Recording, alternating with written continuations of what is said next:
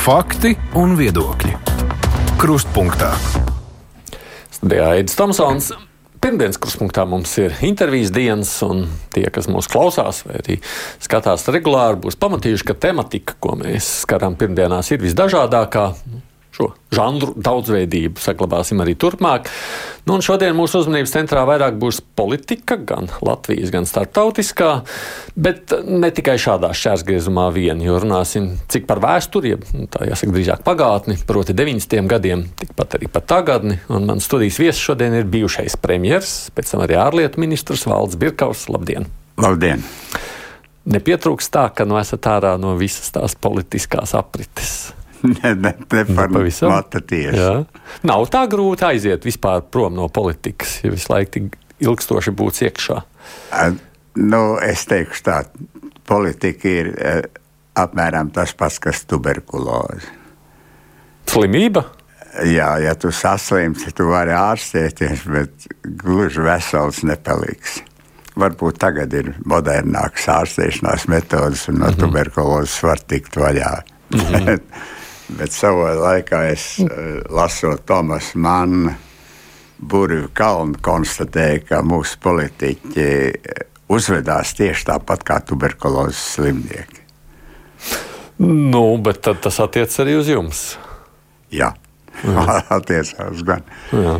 Es gan vienu laiku mēģināju pilnībā norobežoties, bet mm -hmm. kopš es sāku rakstīt uh, savu, es neteikšu memoārus, bet savu grāmatu, es esmu atgriezies un diezgan rūpīgi sekoju tam, kas notiek. Mm. Un man tik ļoti gribētos rakstīt kaut ko labu, kaut ko skaistu, kaut ko, ko mēs esam sasnieguši.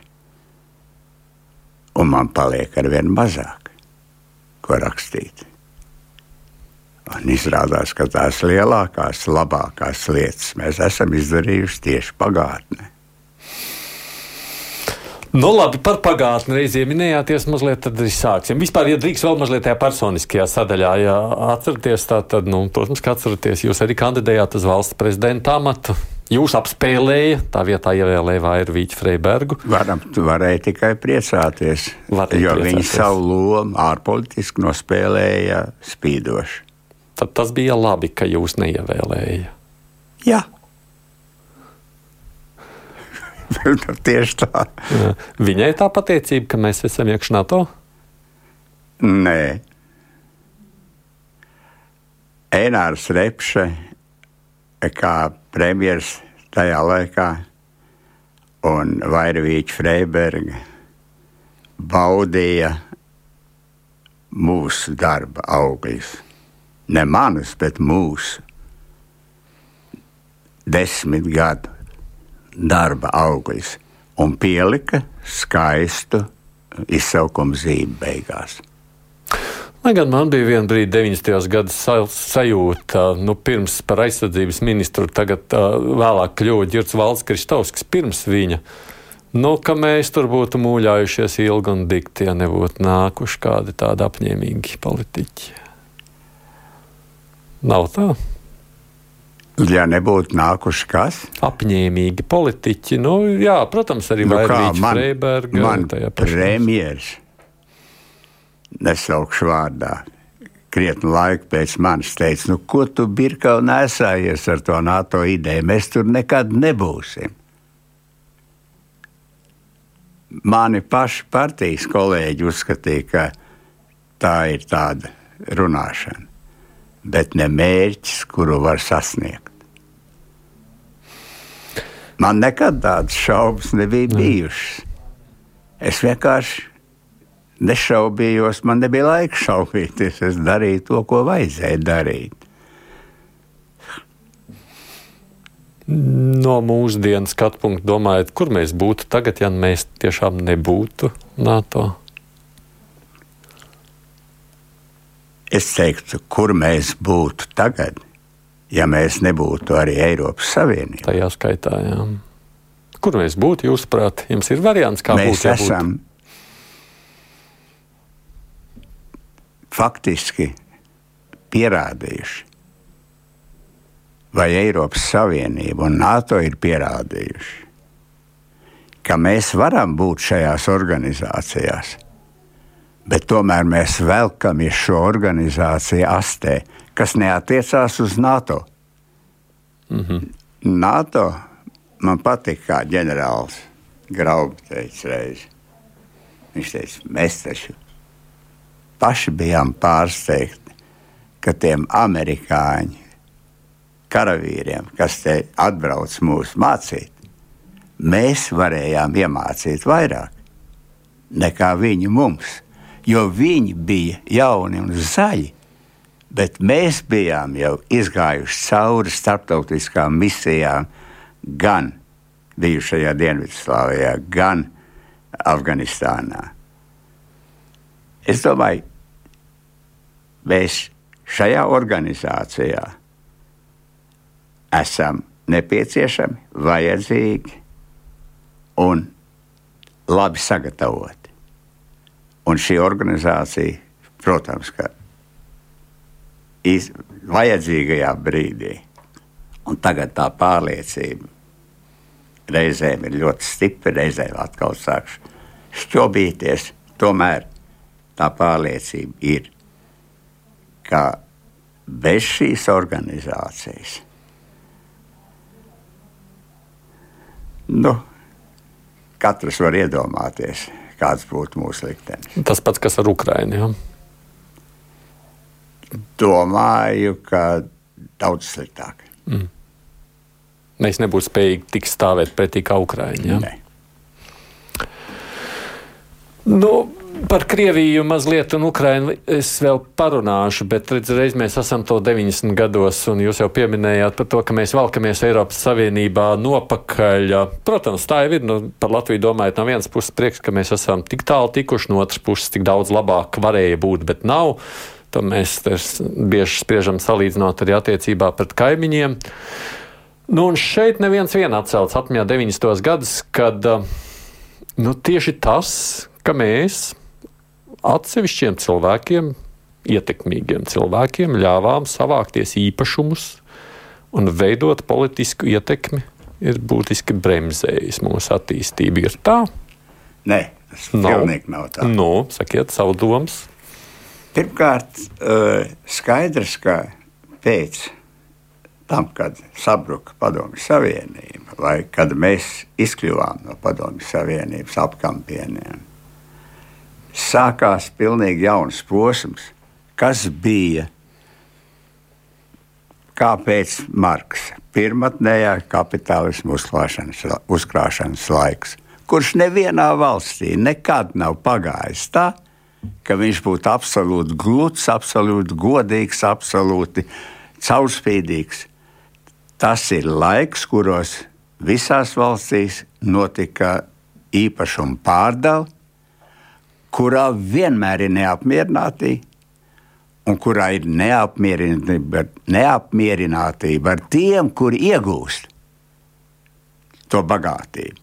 Kad Tečers pirmo reizi ieradās Padomju Savienībā un runāja atklātajā televīzijā ar, žur, ar PSRS žurnālistiem, viņai pirmais brīdinājums, ko viņa teica, bija: sargājiet savus bagātos, Ja jūs viņus nesargāsiet, jums nebūs par ko maksāt nabagajiem. Tečeri. Mēs, kā spēcīga sociāla, demokrātiska, komunistiska valsts, pagātnē ar izciliem komunistiem no Krievijas, no visas PSRS, faktiski proletāriska attieksme pret bagātu cilvēku ir nievājoša un naidīga. Tur bija kļūdas, tur bija noziegumi tajā laikā. Jā. Vai bez tiem varēja iztikt? Varēja. Varēja iztikt tā arī neko neprivatizējot, vai pavisam lēnām, kaut gan Igauni jau pusotra gada ātrāk pabeidz savu privatizāciju. A mums ārzemju latvieši no LNK pārmet kādas šausmas.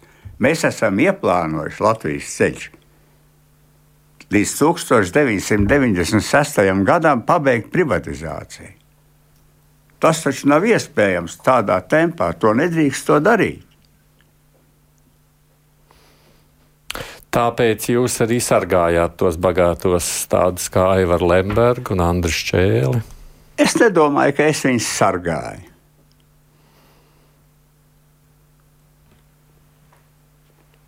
Praktiski bagāti cilvēki valstī ir vajadzīgi. Bagāti, kur godīgi iegūst savu bagātību. Bet tā laika bagātība nav tik godīga. Nav. To var pārmest. Pārmetiet. Uzskatiet, ka sargāja. Kad es vēl gadsimtu mijā runāju ar jūsu partijas Latvijas ceļu politiķiem, uh, nu, Jā, protams, ārpus mikrofona viņi teica, ka viņiem ir bail kaut ko uzsākt cīņā pret arī oligarkiem, kas, nu, kā viņi to arī toreiz jau tā minējuši, vai jēdzienu, jo viņiem esot savu ietekmi visur, gan tiesību sargājošās instancēs, gan parlamentā, dažādās frakcijās. Jums arī jūsu partijas biedri, ko tādu teica, runājāt par to? Es to neatceros, bet es to izjūtu uz savas ādas. Kādā veidā? Vai jūs domājat, ka tie skandāli, kas eh, nezinu no kurienes uzrādījās, bija tāpēc, ka es kādu īpaši sargāju? Jūs domājat, to, kas tas pēc tam bija to pedofilijas skandālu saucamo? Neviens vien. Politiskā cīņa ir diemžēl tāda, kāda viņi ir. Un mēs dzīvojam ne rietumu demokrātijā, bet postpadomju demokrātijā vēl šobrīd. Mums ir visas ārējās demokrātijas izpausmes un pilnīgi pro-padomiska domāšana. Viņi lēnām mainās un kādreiz viņi pavisam izmainīsies. Bet šobrīd tie rezultāti, kādi ir, nav viss 90. gadu kļūdu dēļ, bet gan to kļūdu dēļ, kas tika pieļautas pēc tam, Pat kas tam... tiek pieļautas tagad. Jā. Šodien. Par tām es arī parunāšu, un tomēr kaut kā pieminot tās pašas nu, mūsu Vairs Vīts Freibergs pieminētās burtnīciņas un maksājums, par ko viņa arī pat vēlāk būdam jau kā prezidents runāja. Jūs par to neko nezinājāt? Es vispār nesakoju tam. Mani tas neinteresēja. Varbūt tā ir mana vaina. Mani interesē lietas, kas virza Latviju uz priekšu, tāpat kā man viņas interesē vēl tagad. Bet par burtnīciņām, par kādām burtnīciņām jūs runājat? Nu, toreiz, ka kādiem politiķiem tiek maksāts par to, lai viņi vajadzīgajā brīdī pareizi balsotu. Tā tas toreiz tika aprunāts, vai tā bija, vai nebija. Es pieļauju, ka tas varēja būt. Jums tas nešķiet svarīgi. Es teikšu, ka es ar to nenodarbojos. E, es tam nesekoju es gāju uz priekšu, lai mēs būtu tur, kur mēs esam. Es, man bija nesen saruna ar esošo prezidentu. Es viņam piedāvāju trīs virzienus, kuros ir jāstrādā. Vienā vārdā pasakot, ko es piedāvāju. Ja mums ir tik vāji rezultāti, ja mēs tā atpaliekam, tad mums ir jāpaskatās, no tiem 30 gadus atpakaļ, vai tad tika ielikt pareizi pamati? Jo mēs ielikām toreiz pamatus, atjaunojot visu konstitucionālo iekārtu Latvijas. Tas notika, pabeigts konstitu, konstitucionālās iekārtas atjaunošana Latvijā 20. jūlijā 1993. gadā. Mēs at, vispirms mēs atkāpāmies pagātnē, atpakaļ nākotnē, kā Zemekisa filmā. Un tikai 93. gada 20. jūlijā mēs sākām skatīties tā īsti un nopietni uz priekšu. Tad mēs ielikām pamatus visai birokrātijai, valsts institūcijām, kuras strādā līdz šim brīdim. Tad mēs ielikām pamatu ekonomikai ar milzīgu ekonomisko programmu, kur strādā vēl šobrīd. Visur ir dažas izmaiņas bijušas, un mēs mēģinājām ielikt pamatu politiskai nācijai. Es piedāvāju prezidentam, ir jāpārskata. Ja viss tas strādāja, varbūt tās kļūdas ir, ir pamatos, varbūt nav pareizi izveidots viss ierēģiņu dienas, jo ierēģi ir sākuši strādāt vairs ne uz rezultātu, bet tikai uz procesu. Ierēģi ir šodienas Latvijas oligarhija. Ierēģiem pieder valsts, politiskai elitai pieder valsts šobrīd. Es neredzu nevienu entuziasmu pilnu cilvēku, kas domātu par kaut kādiem atsevišķiem uzdevumiem, kas jāsasniedz. Es redzu papīru, blāķis, koncepciju, blāķis, tukšas runas un slikts rezultāts. Mums bija kļūdas, mums bija noziedzīgi, kā jūs sakiet, iegūta nauda bagātiem cilvēkiem. Bet mūsu darba rezultāts bija konkrēti rezultāti, kur mēs baudām konkrēti sasniegumi, kurus mēs baudām vēl šodien. Es ierosināju, vai ir nepieciešama visa valsts iekārtas atjaunināšana. Ja, ja, ne tik, ja ne visas iekārtas, tad vismaz birokrātijas atjaunināšana un modernizācija. Ir vajadzīgs pārskatīt, vai ekonomiskā programma, nu, par ekonomisko reformu. Mēs izgājām cauri tādiem ekonomikas posmiem. Mums bija sākotnēji, vēl 90. gados, bija tilta koncepcija, kur tilts sabruka. Mums bija Šveice, Šveice ir. Tilts starp austrumiem un rietumiem. Jā, mēs esam tuvāk kā Šveice. Tagad mēs esam ļoti tālu. Tad nāca ekonomā, ekonomiskais izrāviens, tad nāca uh, reindustrializācija, tad šobrīd ir ekonomiskā transformācija, bet patiesībā nav nekā. Ir 450 tūkstoši cilvēku ārzemēs, diaspora. Mēs varam atsaukties, ka mēs esam zaudējuši cilvēkus visvairāk kā jebkura valsts. Un tas ir fakts bet mēs neatkarības laikā esam zaudējuši ne mazāk cilvēku kā Gulagā un Otrajā pasaules karā. Nu, tad, ja tagad par pamatiem mazliet pieminējāt, un mums neviens vien klausītājs es, piedā, domā, es piedāvāju jā, pārskatīt šos pamatus, vai tur bija viss pareizi. Jā, nu, tad uz šo jautājumu arī turpinot, mums šeit tad klausītāji raksta, meklējot, nu, kuri tie pamati nepareizi, vai nu tur uzbūvē politiskajā, vai uzbūvē ekonomiskajā, jūs pieminētais, jā, jā. vai nu birka. Jūs pats esat kādu jautājumu jau atradis, nu, kas tad tur ir par iemeslu, kas ir tajā nepareizais un ko tad vajadzētu mainīt? Mēs nekad nebūsim sekmīgi, ja mums būs sašķelta sabiedrība un politisko nāciju mēs esam uh, vienkārši nogalinājuši. Kas attiecās uz ierēģiņu dienestu, tad viņš tika izveidots, lai kļūtu par modernu Eiropeisku ierēģu dienestu, kāds viņš bija līdz brīdim, kamēr visa valsts to laika ierēģiņu vadībā, mainoties daudzām valdībām, vienoti turpināja strādāt ar izpratni, lai pievienotos Eiropas Savienībai un NATO. Tie bija tie, kas darīja to lielo darbu, lai mēs iekļūtu Eiropas Savienībā un NATO. Ministri nāca un gāja, valdības nāca un gāja, bet ierēģi nodrošināja. Repsas valdība bija pirmā, kas sāka politizēt ierēģus. Un šobrīd ierēģu korpus pēc būtības ir degradējies kā valsts institūts. Un tāpēc tur ir vajadzīgs pamatīgs satricinājums. Ko tur vajadzētu darīt?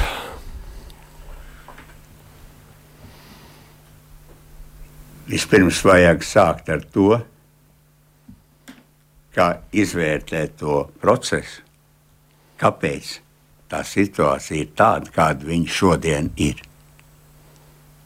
Atcerieties, varbūt neatcerieties. Es pats atceros, kādu sašutumu sacēla mans priekšlikums.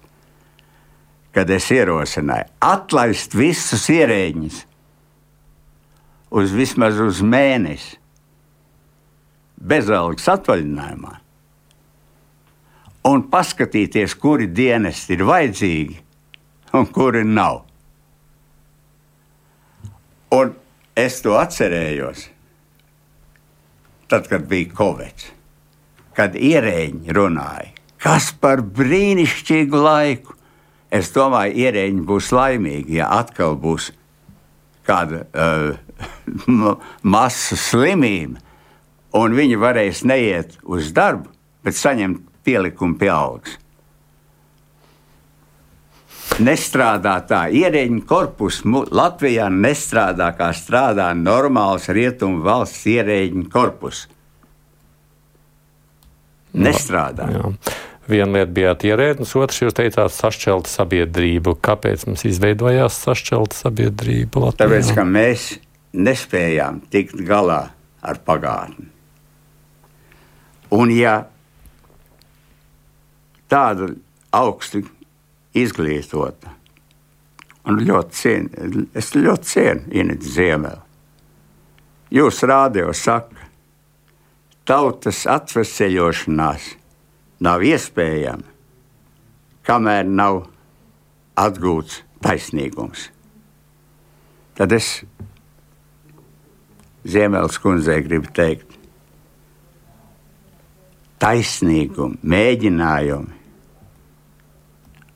atjaunot taisnīgumu, vienmēr ved pie vēl lielākas netaisnības. Ir jāsaprot viena lieta, ka politiskie lēmumi vispār nemēdz būt taisnīgi. Tāpēc, ka viņi vienmēr ir kādas grupas interesēs. Bet demokrātijas pamats ir tas, ka tā otra grupa, pret kuru šis lēmums ir netaisnīgs, pauž savu viedokli un cīnās par savām tiesībām, par savu redzējumu. Mums nav spējas meklēt kompromisu. Mēs paslaukam problēmas zem paklāja. Mēs, tāpēc es saucu šo mūsu demokrātiju par postpadomju demokrātiju. Jo te ir tikai ienaidnieki, vai nu draugi un ienaidnieki. Te ir tieši tas pats, kas bija 17. gadā.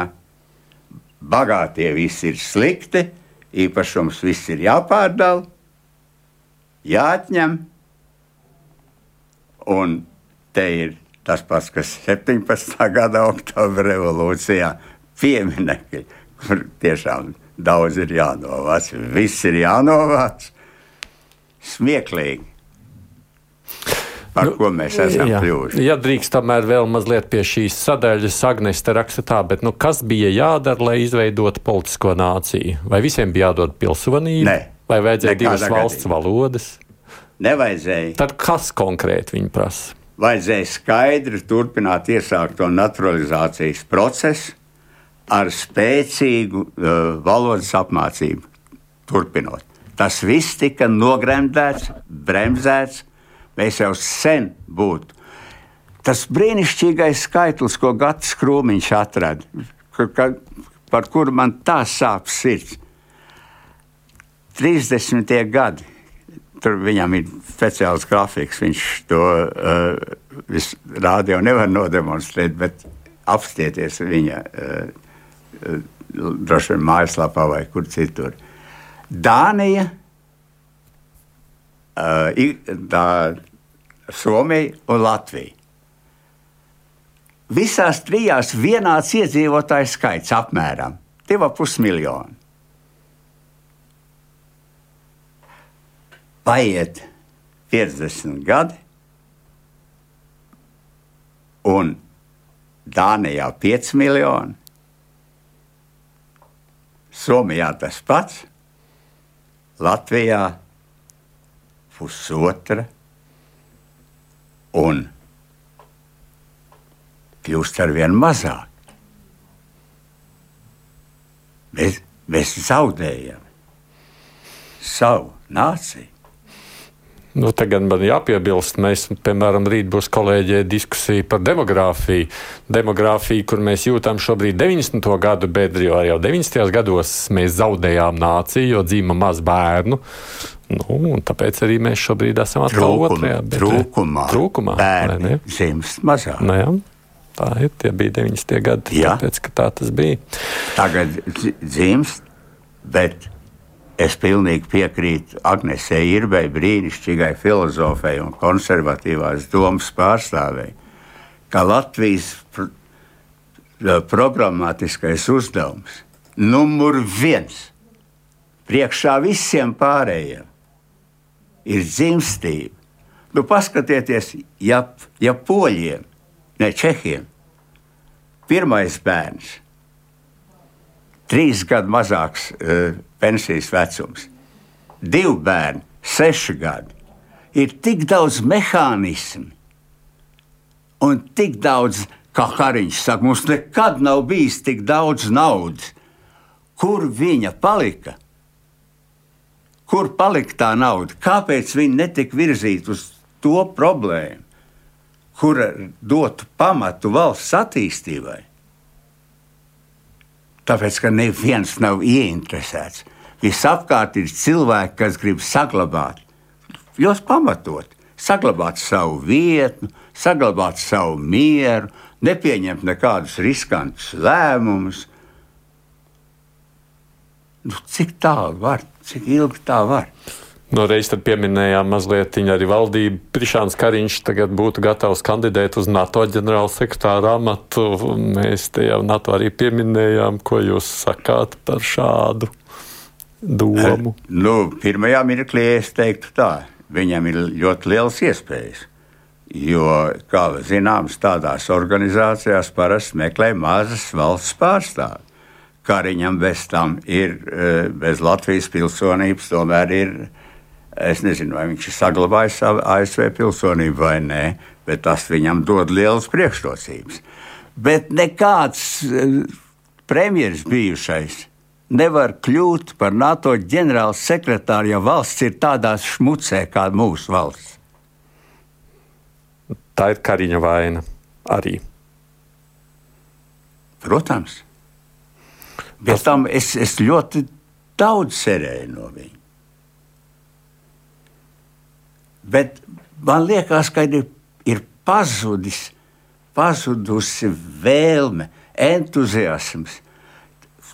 Jā, mums var, mums var pārvest nezinu ko. Gan Lemberga sargāšana, gan šķēles izvirzīšana. Bet mums nevar pārmest, ka mēs gļēvi vienaldzīgi izturējamies pret saviem pienākumiem. Mums visi cilvēki dega savā interesē realizēt ātrāk, pēc iespējas to, kas, ko mēs redzējām, kā nepieciešams. Mēs atnācām pēc, vēlēšanām ar programmu, kura bija izvērsta katrā detaļā. Jaunai, jaunai vienotībai es, es taču neticu tam. Es dzirdu, ka jaunai vienotībai jau kuro gadu vispār nav partijas programmas. Sāk, jāsāk ar partiju vispār. Partijas ir tārpi, kas sēž valsts organismu, saplos viņa gabalos. To neteicu es, to pirms daudziem gadiem teica Hops savā lejafānā. Bet tieši tāpēc, ka viņi ir tārpi, kas saplos organismu, viņus nevajag finansēt no valsts budžeta.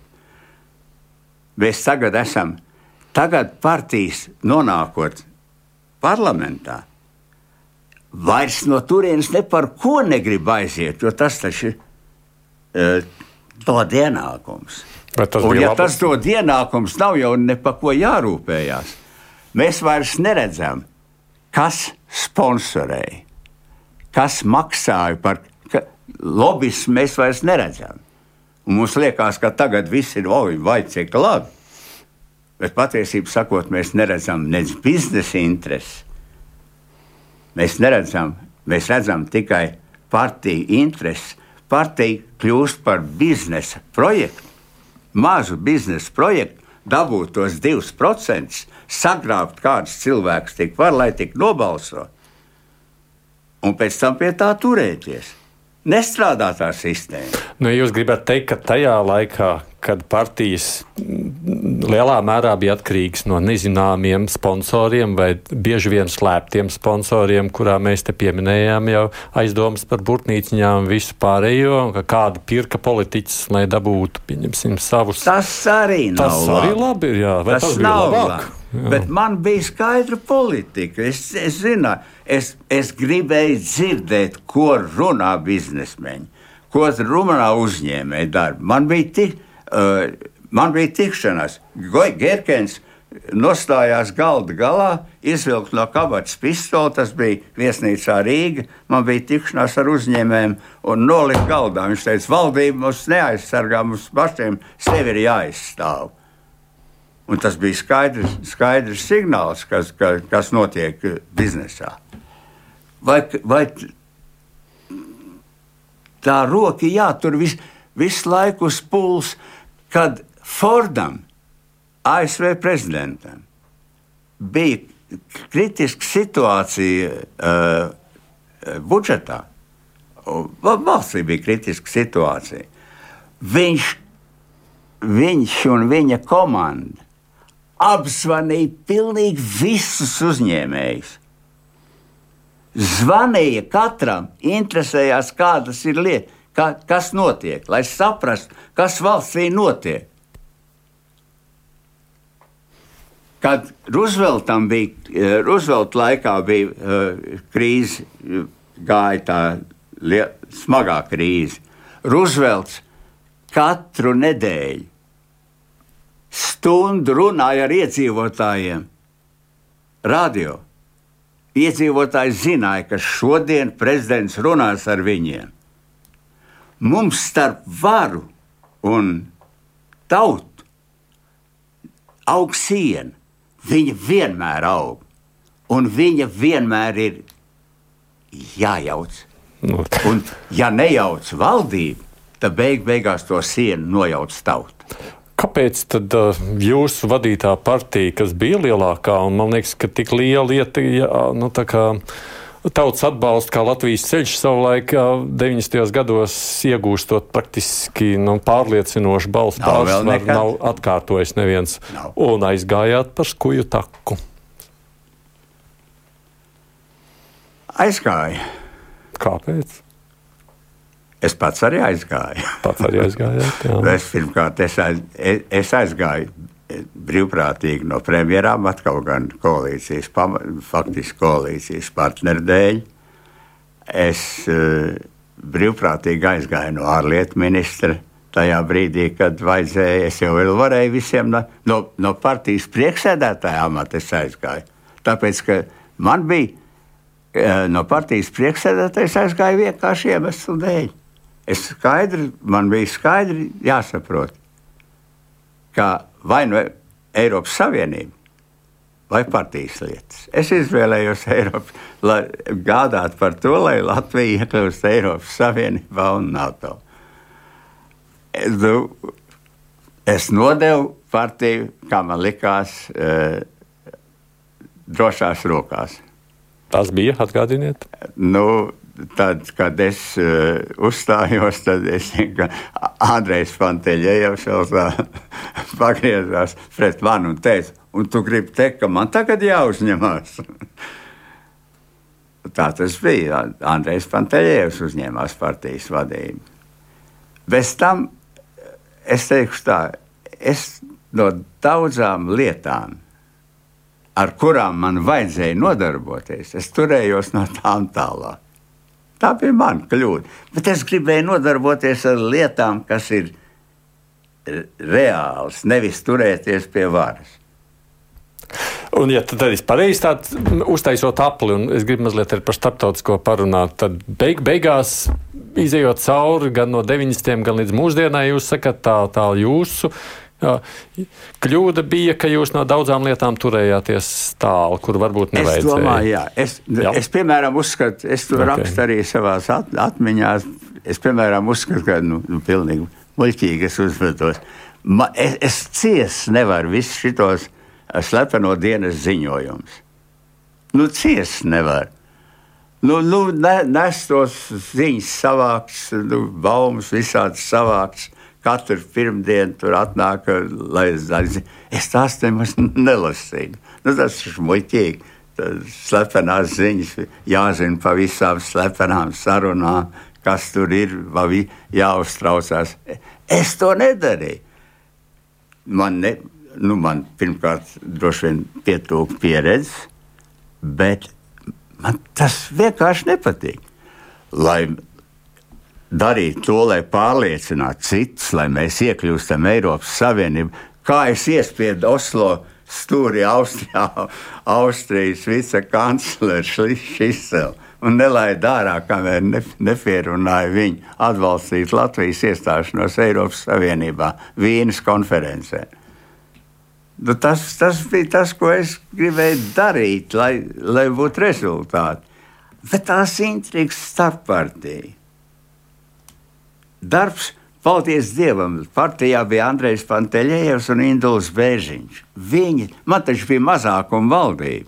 Viņi tamborēja, viņi šuja kopā tos atlikušos uh, balsis, kas bija vajadzīgas, lai pieņemtu to vai citu lēmumu. Tagad sūdzās maza koalīcija. 48 balsis man bija. Jā, Valsts Birkaus ir bijis politiķis arī mazākuma valdībā, atgādina bijušais premjers un arī ārlietu ministrs šodien mums intervijas viesis. Raidījums Krustpunktā mazliet par Krieviju un pašreizējām arī starptautiskām aktualitātēm runājot, drīkst es tomēr iesākšu vēl no iekšējās skatu punkta. Te viens klausītājs jautā, nu, lūk, jūs sakāt, jūs nelasījāt pieminētais pedofīlijas skandāls un Adamsons. Šobrīd skatoties pēc tiesas sprieduma, stāsts par Adamsonu, kā, ies, nu, kā acīm redzam, šķiet tagad vismaz no pirmā tiesas sprieduma, tā tad jau Krievijas ziņu pienesēju, jeb spiegu. Varbūt, ka vajadzēja lasīt ziņas. Jūs tur varbūt bija rakstīts, ka bija aizdomas par to, ka viņš jau strādā Krievijas labā. Tas bija samākslot, iz, izdarīts. Bet jūs zinājāt, jūs nojautāt, ka tas ir Krievijas labā? Nu, bija jau dažādi izteicieni, bet, bet saprotat, ka es atkal, nu, man nāca kaut kādi signāli. Ja? Nu, es tam nepievērsu uzmanību. Nu, man tas neinteresē. E, es ne, nesargājos speciāli. Es, neorg... nu, es arī nepareizi, bet es ne, neorganizēju kaut kādu pretkampaņu, kaut, ko, kaut kādu atspēkošanu. Es vienkārši to ignorēju. Es vēl šodien to ignorēju. Cikot valsts drošības dienas jums noteikti nedrīkstētu uzticēt? Nedrīkstētu. Jā, es es kategoriski atteiktos. Tā tas nav mans. Ja tagad skatāmies uz Krieviju, nu mēs redzam, kas ir noticis ar Krieviju šajā gadu laikā. 90. gados jums, kā ārlietu ministram, šķita, ka tas varētu nonākt tā, kā tas ir šobrīd. Mēs strādājām ar demokrātisku Krieviju, vai nosacītu demokrātisku, ar ļoti uh, spēcīgiem, interesantiem, liberāli domājošiem cilvēkiem. Šelovs Koviģājevs, ārlietu ministra vietnieks, piedāvāja mums pat atdot abrēnu. Tā bija cita Krievija. Tā, kas ir šodien, ir, ir absolūti nepieņemama. Bet man tikpat nepieņemama ir tāda doma, ka mums ļaujas Krievija kā kaimiņu valsts. Bet mēs uzvedamies tā, it kā Krievijas vairs nav. It kā viņi tur nekad vairs nebūs. Krievija tur būs. Un vajag visiem tiem, kas domā, ka viņus tur vairs nebūs, vai viņi būs citādāk, pasakot lielo valstu attieksmei pret Krieviju, tiem procesiem. Un to var ļoti labi redzēt caur attieksmi pret konfliktiem. Es katram Latvijas politiķim ieteiktu rūpīgi, rūpīgi studēt visīkākās detaļas Izraēlas arābu konfliktā. Situācija ir, ir kā pilnīgi savādāka, bet tur ir tik daudz nianšu, kuras sasaucās ar mūsu problemātiku, un kuras tiek risināts citādā veidā, bet tur mēs redzam šo valstu attiecību faktisko seju. Un viņa nebūtu nav tāda, kādu mēs gribētu to redzēt. Tāpēc, uh, lai nu kas, tā mūsu kaimiņu valsts mums vēl sagādās ļoti ļoti daudz problēmu. Un pati viņa nebūtu netiks ne sašķēlusi, viņa, es neticu tai tuvākai perspektīvā kaut kādām izmaiņām Krievijā, kas varētu būt pozitīvas. Es neticu tādai, ka Krievija sadalīsies mazās Krievijās. Tā tā būs viena valsts, kas mums nepārtraukti radīs problēmas, un mums ir jāsaprot, kā pareizi uzvesties civilizētai valstī. Nevis kā puikam, kurš ir ticis, kad vecāki ir aizbraukuši, dara, ko grib. Kā ir pareizi? Pareizi ir uzvesties civilizēti, gudri un saprātīgi. Nu, kādu piemēru, lai es saprastu, jo mm, nesapratu. Neskriet visiem vezumiem pa priekšu, ne, neap, es, es, es nekritizēšu mūsu prezidentu. Pagaidām es viņam teicu, man nav par ko jūs kritizēt. Tas man rada problēmas manai attieksmei. Bet es teikšu tā, nu, uh, nevajag iedomāties, ka uh, viss, kas mums ir slikts, nekavējoties ir jānoraksta, ka tā ir Krievijas vaina. Bet tas, ka tur ir daudzas lietas, kurās ir Krievijas spēcdienas vaina, šīs lietas ir jāatšķir. Un tur ir vajadzīgi tie speciālie dienesti, ar kuriem es negribu strādāt. Nē, skaidrs, bet, es, bet, bet nu, es mēģinu saprast jūsu domu attiecībā pret Krieviju pazemīgāk. Nekādā gadījumā. Kā tad? Civilizētā. Nu, kas ir, mums jau reāli nekādas lielās attiecības ar Krieviju nu, vispār nu, šobrīd nav. Tā, tas ir pareizi. Tas ir pareizi. Nevar būt nekādas. Tad kā tā, no šī viedokļa ārliet, ārlietu ministrija jau uzvedās pareizi. Kas, jā, kas ir civilizētā kādā ziņā? Tā ir valsts. Agresīva. Viņas pilsoņi ir šeit. Viņas eh, tā diaspora, kura, kura eh, viņu interesē, ir šeit un mēs nemitīgi viņiem dodam jaunus un jaunus, kurus viņi tik un arguments, kurus viņi tik un tā izdomāt, ja mēs arī nedod. Bet mēs dodam papildus. Nekaitināt Krieviju tā? Nē, no. ne, dariet to, kas tev savā valstī jādara, savas valsts labā. Un savas valsts labā mums ir vajadzīgi pilsoņi, iedzīvotāji, turisti. Un to mēs pazaudējam. Oh. Jo tad, kad mēs uzvedamies tā pret kādu citu valsti, tas rezonē arī uz citām valstīm. Jūs taču nevarat iedomāties, cik sliktus atsauksmes par Latviju no citām valstīm es dzirdu. Man bija agrāk, es, es agrāk lepojos ar Latviju. Tad bija periods, kad es intensīvi meklēju, ar ko lepoties. Bet man tagad arvien biežāk vienkārši ir kauns. Bet kauns ir... par rādītājiem kauns par uzvedību. Jā, bet es tie attieksmes jautāju, nu, tādā ziņā atstāt vairāk, lai mēs tur kaut kā vairāk draudzējamies kultūrā, robežu, turisms, nu tā. Es domu mēģinu saprast pareizi. Nu, nedariet to, kas nav absolūti nepieciešams. Okay. Jūs pieminējāt arī Izraels un Arābu konfliktu. Jums jau pašam savulaik pēdējā laikā gados bija tāda ciešāka sadarbība ar Irānu. Mēs jūs savulaik esam tāpēc arī šeit uh, intervējuši reizi vien. Jūs varat mazliet paskaidrot uh, pašreizējo situāciju, skatoties no savām ir, acīm. Irāna, man, man, godīgi sakot, uh, man uh, vienmēr ir interesējusi kā lieliska valsts, kurā bija uh, Kirs Lielais ar pirmo cilvēktiesību deklarāciju, kurā bija brīnišķīgi, tā sakot, tā ir viena no visviesmīlīgākajām valstīm pasaulē.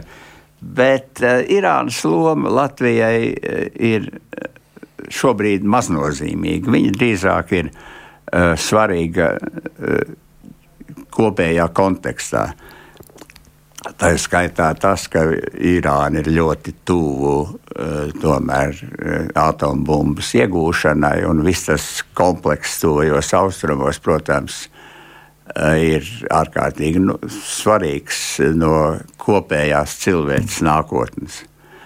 Bet es, es jau teicu, man šķiet, ka mums daudz vairāk ir jāpasako notikumiem šobrīd tieši Izraēlas uh, un Gazas konflikts, kas ir, uh, jo tam ir tālējušas sekas pirmkārt, un tajā citā, citas kultūras, cita reģiona skatījumā atspoguļās daudzas īpašības, daudzas lietas, kas Latvijai arī ir raksturīgas. Nu, vai, vai es varētu to mēģināt transformēt šādi, ka tur darbojas tas princips acis pret aci, zobs pret zobu savstarpējās attiecībās? Nē, Nē. tā Leona princips nedarbojās. Uh, darbojās drīzāk cits. Izrēlā ir divas, uh, divas kustības. Tā ļoti rupja Izrēlā ir kustība, kura cenšas panākt, ka Izrēla ir reliģiska ebreju valsts. Un viņi tiešām ir ļoti reliģiski, tur ir daudz, viņi noregulēti līdz tā sakot. Vārds sakot, absolūti ebrejiska valsts. Mūsu gadījumā bez reliģijas tas būtu, mēs gribam absolūti latvisku valsti. Otra kustība ir, kur izriet no Oslo uh, nolēmumiem, ir radīt Izraēlu kā demokrātisku, civilizētu, starptautiskas tiesību subjektu, kurā dzīvo ebreji un citas tautas, tā skaitā milzīgais, agresīvais kaimiņš, jo viņi dzīvo Arābu pasaulē. Tad pirmai koncepcijai galvenais mērķis ir izdzīt visus. Otrai koncepcijai atrast kā sadzīvot. Un tur ir tādas detaļas, eh, kuras eh, uz mums neatiecās, un tādas, kuras uz mums attiecās. Princips, tur būtu vērts mm -hmm. to rūpīgi paskatīties, pasakot, Jo, piemēram, tad, kad notika tas Hamas uzbrukums, mana pirmā reakcija bija: Paldies Dievam, ka Prigožins ir miris. Tā, tā, bija, tā bija Wagner operācija Latvijā. Tāda varētu teorētiski būt, ja nebūtu NATO. Bet NATO pret tādām izdarībām taču arī nav speciāli trenēta vai radīta. Tur no tā ir jāmācās, no tā ir, tur ir brīdinājumi, kuri jāņem vērā. Tā, tas ir poligons, no kura jāmācās, bet nedrīkst pielaist tās pašas kļūdas. Tur ir problēmas ar demokrātiju Izrēlā. Tur ir. Nē, par to es mēs, tā, par to ir jārunā citā sarunā. No, jā. Bet es saku, tas ir svarīgi, kas tur notiek. Jo uz visām lietām vajag skatīties tikai no viena skatu punkta. Ko tas dara labu vai sliktu tavai valstī? Okay. Mums ir viena minūte palikusi, kur ir un kad būs lasām jūsu memoāri. Man parasti atbildi tāda, kad man būs simts gadi. Jūs pagaidām viņas rakstāt un turat pie sevis. Es viņus negribu publicēt. Man mm. vienkārši ir nodarbošanās. Mm. Es to daru ļoti labprāt. Un, tāpēc es nesteidzos. Man arī kāda puse jau ir, gan, bet jūs taču saprotiet, vispirms man ir jāatceras, tad man ir jāierunā tad man ir jāatšifrē, jādod atšifrēt. Tad man ir atkal jāklausās. Man tas viss tas mm. ir. Trīs, četras reizes lēnāk nekā ja es varētu pats rakstīt. Bet vispār kaut kad tie nonāks publiskā telpā, būs? Nu, ja es uzrakstīšu visu patiesību, tad droši vien pēc nāves. Saka, testamentā aizliegums publicēt nebūs. nē, nē, bet arī nebūs tur nekāda brīnuma. Es jau To, es jau teicu, es no visādiem mhm. tādiem brīnumiem esmu centies turēties malā. Kaut kā viens otrs, kuru es esmu pārdzīvojis, tur būs. Valds Birkaus uh, bija viens no pirmajiem premjeriem pēc neatkarības atjaunošanas, ārlietu ministrs, savulaik arī vadīja partiju Latvijas ceļš šeit kruspunktā sarunā. Paldies, ka piekritāt, atnācāt uz Latvijas radio. Kolēģiem Ārā Jansonē rīt būs saruna par demogrāfisko bedri, ko es te pieminēju, un tā ir tiešām problēma. Mums šobrīd uh, situācija kļūst tikai sarežģītāka, un izskatās taisnība, mēs nesteidzamies ar ilgtermiņa lēmumiem, un ko tas nozīmē tālāk. Vai mums vispār ir kāds plāns, ko, ko grasāmies lietas labā darīt, ko vēl var izdarīt par to visu? Droši vien arī rīt kolēģiem būs saruna. Jā, bet tas būs kolēģei rīt. Māra Jansona vadīs šo sarunu. Šodien producenti Ievzeiza studijā bija Saidis Tomsons.